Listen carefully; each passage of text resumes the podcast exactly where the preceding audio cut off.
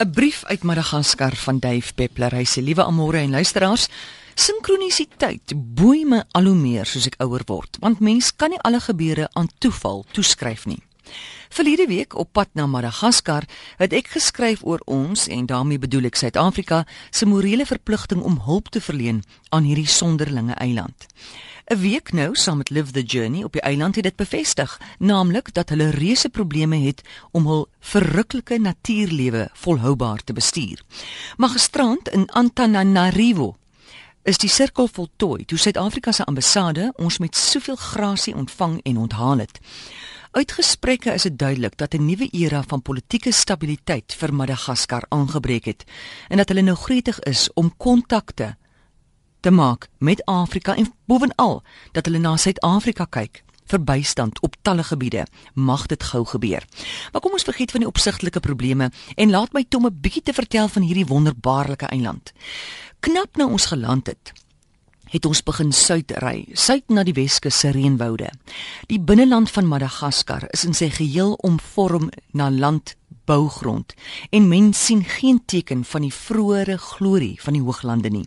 Wat my wel verbaas het, is dat sprinkaanplaat dikwels voorkom en ons het onder wolke van hierdie vleiende grassnyertjies gery. Ek was al van tevore in die noordelike reënwoude, maar mense vergeet gou van hoe oorweldigend geil hierdie bioom is. Uit die grasvlaktes ry jy skielik die klam ruigtes in en tonnel deur 'n vervlegte en klam towertuin. Die lug het die kwaliteit van diep in 'n akwarium. Doppelskadies en groene wat in mekaar loop. In hierdie skemer flits daar vlinders, hulle vlerke soos opaal en in sonkolletjies akkedisse, so groen soos aangeslaande koper met blou kolle op hulle ribbes. Jong, ek knyp my oë toe wag 'n wyle en kyk weer. Ja, hulle is waarlik groen en blou. Maar soos altyd het ek my persoonlike kortlys, veral van diere wat ek nog nie gesien het nie. Daar is dae in die lewe van 'n natuurkundige waar die verrassings jou byna oorweldig. Die lewe is waarlik meer vreemd as fiksie. Byvoorbeeld, die ringstert lemurs As jy my eendag moet toesluit, vir watter rede ook al, sluit my toe in 'n hok vol lemurs. As jy ooit gedink het ape of bobbejane is snaaks en interessant, probeer 'n slag lemurs.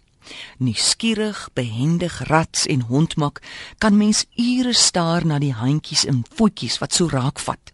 Die kontante sterte en vir al die goue oogies wat verklap dat hulle slim primate is. Ek onthou verlede week het uh, Dave geskryf toe sê hy hy kyk so na 'n lemoer en dan weet hy nie is dit nou 'n kat wat soos 'n aap lyk of 'n aap wat soos 'n kat lyk. Verder, hy sê, "Waar sal ek ophou met die lys van wonders? Die naguil, versmelt tussen dooie blare, 'n verkleurmannetjie so lank soos my voorarm." Of dalk miskien die orgidee en vetplante in vorms wat lyk of iemand die gek skeer met jou. Nou as jy 'n mens is wat hou van die ongewone, selfs buitengewoonde, slaan jou spaarvarkie flenters en koop 'n reis na Madagaskar. Meer as net fisies beweeg, is dit 'n reis na verbeelding.